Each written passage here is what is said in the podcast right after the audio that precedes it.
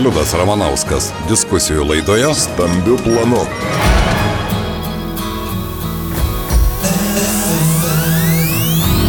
FM99. Stambių planų. Sveiki, bičiuliai, prie mikrofono Liudas, be jokios abejonės stambių planų, e, realijos, realijos, e, kurių ko gero daugelis vakar vakarą laukė, sulaukė, na ir be jokios abejonės e, nuo antradienio ryto pačios įvairiausios reakcijos. Bidenas, Makronas, Šolcas sako, jog visą tai neliks be atsako. Amerika sako, jog Putinas kuria pretekstą karo ir taip toliau ir taip toliau. Antraščių lavina, bet ar po antraštėmis slepiasi kažkokie konkretūs sprendimai, tai ką vakar padarė Rusijos prezidentas, beje, perskaitęs valandos laiką laiko istorinę pamokėlę ar paskaitą, net nežinau kaip tai pavadinti, bandžiau aš vakare peržiūrėti visą tai ir aš tikiuosi, kad apie tai mes dabar turėsime galimybę padiskutuoti su mūsų pašnekovo apžvalgininku, žurnalistu Rimvidu Latka. Labadiena, gerbiamas Rimvidai. Labadiena. Nežinau, ar sulaukime to, ko laukime, bet eilinį kartą man toks pasirodė, kad Putinas vėl laiko save, na, šitos situacijos laimėtojų. Gazdino, gazdino, na, o po to nusprendė štai tokiu būdu. Kaip jums atrodo? Uh dvigubas jausmas yra pirmiausia blogai yra tai, kad vakarai, mes vakarai tebe kalbam apie pretekstą karui. Tai yra karas. Putinas įvykdė antrą Ukrainos teritorijos anšliusą, aneksiją, pavadintą nepriklausomybės pripažinimu. Kitaip sakant, Putinas pasirašė pripažinimo aktą su dviem Rusijos piliečiais, kurie abu yra valdančiosios Jedina ir Rasija partijos nariai ir čia pat įvedė papildomus kariuomenės dalinius. Tai yra vienas dalykas, bet iš kitos pusės nėra blogai tai, nes ketvirtą valandą ryto, kaip žinome, Putinas mėgsta a, skaičius ar nesuderintus, Gruzijoje buvo 8 Taip. mėnesį 8 dieną, čia turėjo būti 22 diena. Antro mėnesio 22 metų. Ant, 22 metų, antro mėnesio ir taip toliau. Karo nepradėjo, vadinasi, rusiškai tai vadintųsi turbūt, kad kiška tanka. Ir labiausiai man patiko vaizdas a, saugumo tarybos posėdžiai, kur susirinko sebrai ir Šiaip jau tai, nu aš įsivaizduoju po Anšlius ar ne, arba prieš Anšliusą Hitlerio būstinėje šventė. Net po Krymo užgrobimo buvo Krim naš, dabar niekas nereikia Donbas naš. Ir aš žiūrėjau į veidus Putino sėbrų ir jie suprato, kad tai yra krachas. E, jie atrodė ne kaip nugalėtojai, kaip turėjo būti pavaizduota, jie atrodė kaip sėdintis Hagos tribunolė. Tribunolė, um, tokioj prie ilgo, ilgo stalo ir jų veidė, Nariškinas apskritai uh, negalėjo nuslėpti, kad štai jis norėjo uh, vokti toliau, gražiai gyventi vakaruose su šeimyna, o dabar jį sugriautą Donbasą nugrūdo, tai jis nusprendė iškart pasakyti, kad jo nepriklau, reiškia, paimam į savo glėbį ir taip toliau. Tai uh, E, galima atsargiai teikti, kad tai yra vis dėlto Putino pralaimėjimo ir žlugimo pradžia. pradžia. Todėl, kad atrodo, kad, Balt, e, kad Putinas apžiojo kasnį, kurio negali apriepti vienas skaičius. Yra apskaičiavimai, kad patys e, oficialiai Maskva pateikia apskaičiavimus, kad a, atstatyti, tam, kad atstatytų Donbasą, sugriautą, gamyklos išvoktos, išvežtos į Rusiją ir taip toliau, jiem reiktų tiek pinigų, kiek Rusija kasmet skiria sveikatos apsaugai, o pensijos tai bus papildomai, išlaikyti bedarbius papildomai ir taip toliau. Na, mes vakar matėme jau po vakar vakaro, ar ne, kas įvyko Maskvos biržoje, ar ne, ir kaip krito Rusijos įmonių akcijos, ten e, kai kurių iki 24, nuo 17-18 sviravimai buvo, bet ko gero rinkai tai reaguoja labai jautriai. Štai jūs užsiminėte apie saugumo tarybos posėdį, kuris aišku buvo ten viskas surežisuota, sustatyta, bet e, iš kitos pusės man pasidarė iš tikrųjų netgi šiek tiek nejauku. E, sėdi vienas žmogus ir štai prieš prieš jį iš esmės tai žmonės, kurie sprendžia šalies likimą, ar ne, saugumo taryba. Ir visų jų veiduose ne vien tik tai, kad baime, bet kažkoks, mano nuomonė, netgi nesusipratimas. Aš net pagalvojau, tie žmonės, aš suprantu, kad jie atsistoja prie mikrofono, rėžia tas tiradas, kurios buvo paruoštos ir visa kita. Bet žvelgiant į jų kūno kalbą, na, truputį buvo nejauku ir man. Nu, iš tikrųjų, žmonės nori, e, žmonės daug prisivogė. Žmonės nori tuo prisivoktų naudotis, nes, nu, jau amžius spaudžia, Taip. kadagi be pasinaudosi, o dabar praktiškai Putinas juos uždarė į spastus. Jie į vakarus bus neįleidžiami, e, gali konfiskuoti ir tai, ką turi ir taip toliau. Iš esmės mes matėme banditų e, gaujos posėdį, kuris transliuojamas tiesiogiai Taip, ir tai buvo- miest, miestui ir pasauliui. Taip, ir tai buvo pristatoma, kad štai yra tikras demokratijos pavyzdys, kaip saugumo tarybos posėdis transliuojamas visam pasauliu, o ne taip, kaip tose supuvusiose demokratinėse valstybėse. Apie tai irgi ten skambėjo frazės, kad visas e, vakarų pasaulis jau yra su, sugriuvęs ir štai tik jie gali atstovėti tas vertybės. Beje, e, režisūra, aš nežinau, jūs atkreipėte dėmesį, kaip visa ta pusdienį buvo režisuojami. Įrašas buvo daromas, žinoma, anksčiau saugumo tarybos, pasirodė jis maždaug e, po pusę penkių Rusijos laikų, vėliau, žinoma, tą istorijos pamokėlę visam pasauliu. Ar ne? Pirmą kartą, nežinau, Rimidai, galbūt jūs daugiau žinote ir daugiau stebite tarptautinę erdvę, bet pirmą kartą mačiau vienos šalies prezidentą, kuris valandą laiko skyrė kitos, kitai šaliai, bet nei žodžio neužsiminė apie savo šalį. Ir iš esmės tekstas e, ten buvo viskas tvarkoje, tai reikia tik vietoj Ukrainos įdėti Rusiją ir viskas būtų labai ok. Tai man atrodo, kad Putinas ir kalbėjo apie Rusiją, nes jis geriau žino padėtį. A, tik kadangi reikia padaryti opposite priešingai, tai vietoj Rusijos įrašė Ukrainą. Apskritai tai yra na, senas banditų, bolševikų naudojamas metodas. Tu užpuoli Suomiją, prieš tai pranešęs, kad Suomija užpuolė tave. Tai lygiai, lygiai tas pats ir dabar jis vardijo. Teismų nepriklausomų nėra, nėra e, e, Opozicija. oponentai nuodijami, nuodijami ir taip toliau. Žodžiu, ir, ir, ir plus dar apie trumpas valstybingumo tradicijas. Tai iš tiesų Rusijos valstybingumo tradicija yra daug menkesnė už Lietuvos, Gruzijos, tos pačios Ukrainos, Ukrainos. taip. reiškia. Tai iš esmės Rusija, na, susikūrė kaip mongolų totorių hanų toks protektoratas ir labai ilgai jie, kad Maskvos didėjai kunigaikščiai, kad gautų teisę valdyti savo teritoriją, turėdavo Mokėti. gauti iš totorių ir Taip. laiką, mokėti duoklį ir taip toliau. Tai, tai iš principo, iš principo Putinas kalbėjo apie save, bet e, vidaus auditorijai tinka, kad tipo čia apie Ukrainą, ne, ne apie Rusiją.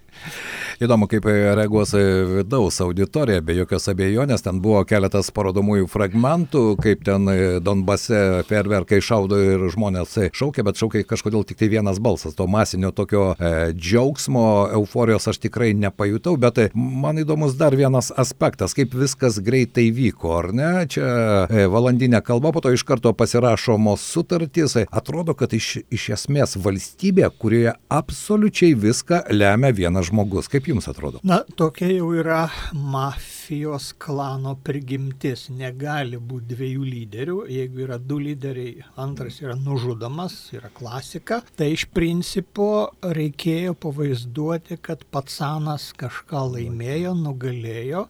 Ir tą reikia daryti labai greitai. Jau šito tu negali ištest. Pusę metų stovi visa tavo kariuomenė prie Ukrainos sienų.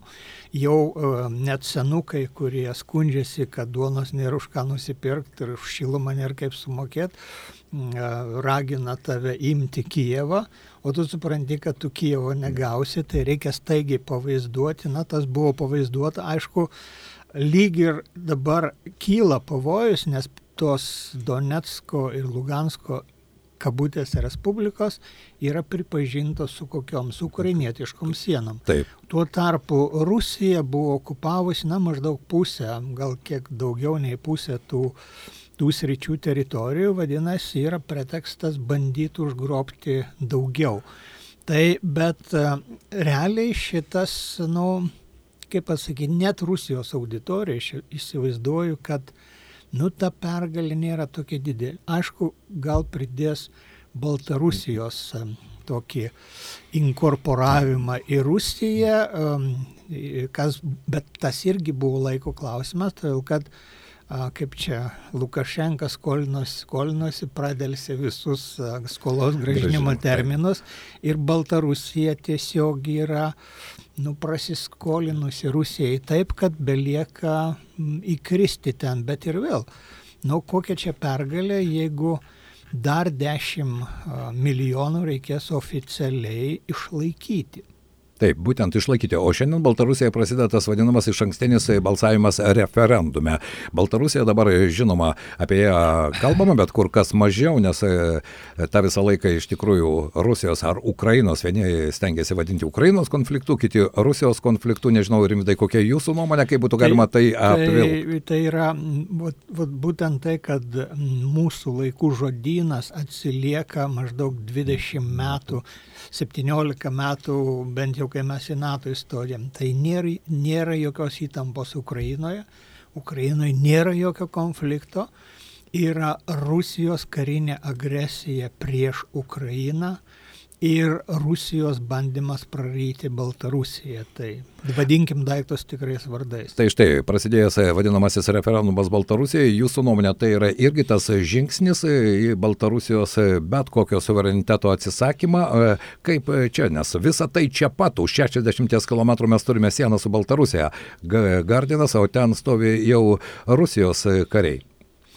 E, Realiai turbūt reikia pasakyti, kad niekas iš esmės nepasikeitė. Jeigu Rusija būtų norėjusi a, turėti kontaktą su NATO, su Lietuva, su Lenkija, tai iš principo pervažiuot Baltarusiją su tanku, na, kelios valandos ir tu esi čia pat. Ta prasme, Lukašenka nebūtų prieštaravęs. Dabar tik tiek, kad jie jau įsirengs stacionarias bazės, kad bus e, na, kontaktas ar ne, bet nu, mes kai buvom e, pariby ar ne, mes buvom ES ir NATO siena, mes ir likom. Tai realiai niekas nepasikeitė ir vėlgi senas žodynas mums sako, o čia didelis pasikeitimas, čia baisi blogybė, kitas dar pasakytų, tai nereikėjo palaikyti ten tų protestuojančių ir būtų buvę geriau. Niekas nebūtų buvę geriau banditas, vagis, Peterburgo vagis e, vagia viską, kas ne vietoj padėta yra ir kol kas mes jo nesustabdėm nei po Gruzijos, nei po Sirijos, nei po Krymo, nei po Donbaso ir štai turim karą. Ir reikia pasakyti, karas pradėtas ir sankcijos jau šiandien turi būti išmestos į orbitą. Tai štai, kalbant apie sankcijas ir apie tą vakarų reakciją, neveltui aš čia citavau keletą pasakymų. NATO teigia, Rusija ieško preteksto įsiveršti Ukrainą, Vokietija sako, jog Rusija laužo visus pažadus, Junktinė karalystė rengia stipres sankcijas, amerikiečiai smerkia, na visi kalba apie tai, jog tai neliks be atsako, tai pareiškia ir Bidenas, Makronas, Šolcas, bet visa tai yra kol kas tik žodžiai. Kol kas tik žodžiai, aš suprantu, kad po vakar dienos Putino priimto sprendimo amerikiečiai sako, na dabar mes sankcijas dedame tiems, kurie ten turi interesų Donbase, bet visa kita. Tai yra, tai yra klaida, klaida, kuris skatins Putiną užgrobti likusią Donetsko ir Luhansko neokupuotą a, dalį, todėl kad, nu, ka, kaip, ne, kaip nepavadinti to karu, kai antras gabalas a, teritorijos aneksuojamas. Juk jeigu iš tavęs atėmė teritoriją, tarkim, ukrainiečiai, na, pagal idėją turėtų na, bandyti ją atsimti, kaip gali atsimti, ginklu atsimti, ar ne, tai vadinasi, tada būtų karas.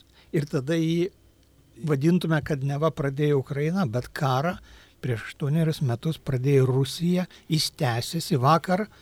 Vakar įvykto, įvyko vienas iš baisesnių to karo aktų.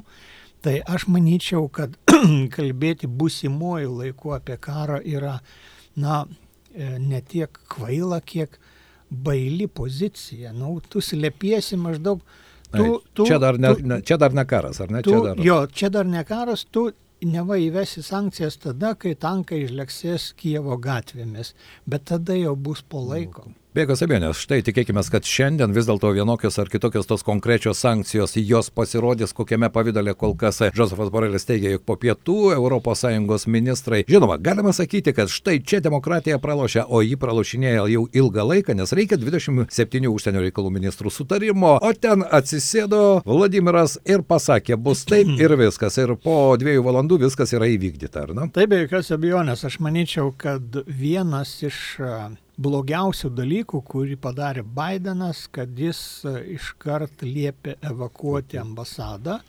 Antra, e, pasitraukti instruktoriams. Aš manyčiau, kad kaip tik geras ženklas būtų buvę, kad visos NATO šalis pasiunčia savo instruktorius į Ukrainą, kad, m, tarkim, įrengia susitarė dėl e, karinių oro bazių Lvove ten ar, ar kur kitur. Kitaip sakant, veidrodinis principas, tai, ką daro Putinas, turėjo daryti ir kitos šalis. Ir tai priešingai, ne tai, kad būtų sukėlę NATO ir Rusijos karo, o priešingai sustabdė tolesnį Rusijos kariavimą.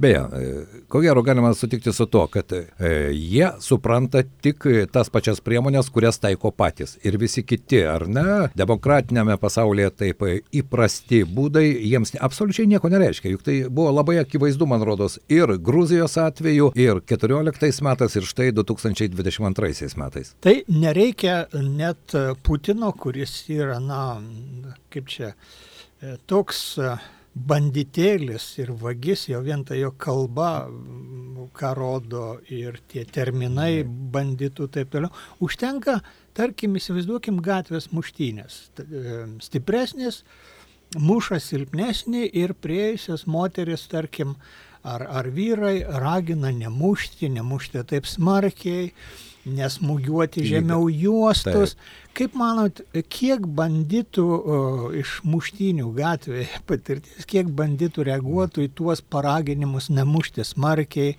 apskritai nemušti, jis pasiūstų jas trijų e, tuos raidžių kombinaciją, e, e, kryptim ir taip toliau. Tai lygiai taip pat ir Putinas elgesi. Banditas sustoja tada, kai gauna atgal į nosį ir kai gauna stipriai. Jeigu, pavyzdžiui, būtų Rusija buvus atjungta nuo SWIFT jau, jeigu Rusijos bankai nebebūtų aptarnaujami, jeigu būtų Abramovičių ir kitų mhm. jachtos jau areštuotos Europos uostuose, aš manyčiau, kad Donetsko ir Luhansko, Luhansko Respublikų pripažinimo nebūtų, nors iš kitos pusės tai e, Putinas užsidarė save į spastus. Anksčiau jis kalbėjo, kad tai yra Minsko Ukra... susitarimai, reikia jo, laikytis. Vidaus tai, konfliktas, taip, taip, taip. o dabar tai yra tarptautinis konfliktas, jis nebeturi kozirio, kaip spausti Ukrainą. Iš principo, na, Ukraina jam pasakė, nori pasiimti, tai pabandyk. Beje, ar jūs sutinkate su to, kad iš, iš esmės tai yra vidinių problemų perkelimas į tam tikrą geopolitinę plotmę, nes tų problemų Rusijoje iš tikrųjų daugėja, na ir vien tik tai tokios kariuomenės išlaikymas pasienyje jis irgi kainuoja, juk viskas kainuoja, degalai kainuoja, ar ne, atlyginimai kainuoja. Ir štai tokiu būdu pervesti visą tai, pakartoti galbūt tą Krymo euforiją, jis pabandė dar vieną kartą padaryti, bet aš labai abejoju. Kai kurie rusų apžvalgininkai teigia, kad Putinas šiuo savo žingsniu padarė patį baisiausią dalyką, kurį galima buvo padaryti, jeigu kalbėtų apie tam tikrą perspektyvą ir rusų ir ukrainiečių tautos, nors jis neigia, kad tai yra dvi skirtingos tautos, gyvenimo perspektyvai dešimtmečiams į priekį. Nes po šitų dalykų ukrainiečiams iš esmės kaip žmonėms, kaip piliečiams trauktis nebėra kur. Tai pirmiausia, ukrainiečiai iki 14 metų buvo visi už rusus, ne, į NATO norėjo gal 2 procentai stoti. Tai reiškia, jis susipyko su visais aplinkui, tai viena, vien kariuomenės permetimui išleista ar 20 ar 30 milijardų a, dolerių, na ir, ir, ir tolesnį, tole, reiškia, ir šiaip jau yra m, tokių režimų, diktatūrinių režimų, kai jie įsivyrauja didelėse valstybėse, principas yra toks, kad kad tu negali užtikrinti gero pragyvenimo lygio, tai kaip Stalinas sakė, e, kad mes turim visą pasaulį užgrobti tam, kad žmonės nematytų, jog kitur geriau gyvena. Anksčiau ar vėliau, na, Rusijos padė- padėtis e, pradės aiškėti ir paprastiems žmonėms. Ir iš tiesų ta riba yra nedidelė. Nu, įsivaizduokim, kažkadagi lietuviai ir rusai gyveno maždaug taip pat, ar ne? Turėjo tiek pat. Šiandien Lietuvoje minimali alga yra 730, Rusijoje yra 160. Tai kiek čia kartų beveik beveik penkis kartus e, mažesnė minimali alga, tas pats su pensija skirtumai. O tas kainų augimas ir O, infliacija. o, o tai- kainos iš principo, na, truputį degalai mažiau kainuoja dujos, nes tai yra vietinės žaliavos, bet iš principo oboliai, dešra, visa kita, sūriai kainuoja tiek pat, jo labiau jų reikia įsivežti, o, o, o Putinas juos buldozeriais um, uh, Traiškė. traiškė. Tai, tai, tai šiaip jau iš principo blefuojant, yra blef, tas, kuris blefuoja, jis turi žinot, kad jis laimės. Jeigu Putinas būtų įsitikinęs, kad jis laimės, man atrodo, kad e, jau visa ta 200 tūkstančių kariuomenė būtų pajudėjusi į Ukrainą. Na kągi, seksime įvykius. Šiandien noriu padėkoti Rimtas Valatka, apžvalgininkas, žurnalistas buvo mūsų dienos stambaus plano svečias ir aš tikiuosi, kad iš tiesai bus ne vien tik tai gražų žodžiai, bet ir tam tikri sprendimai apie juos, kaip žadėjo ir Žasivas Borelis, bus šiandien paskelbta jau po pietų. Liudas Ramanauskas. Diskusijų laidoje Stambių planų.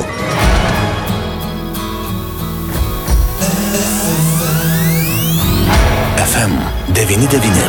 Stambių planų.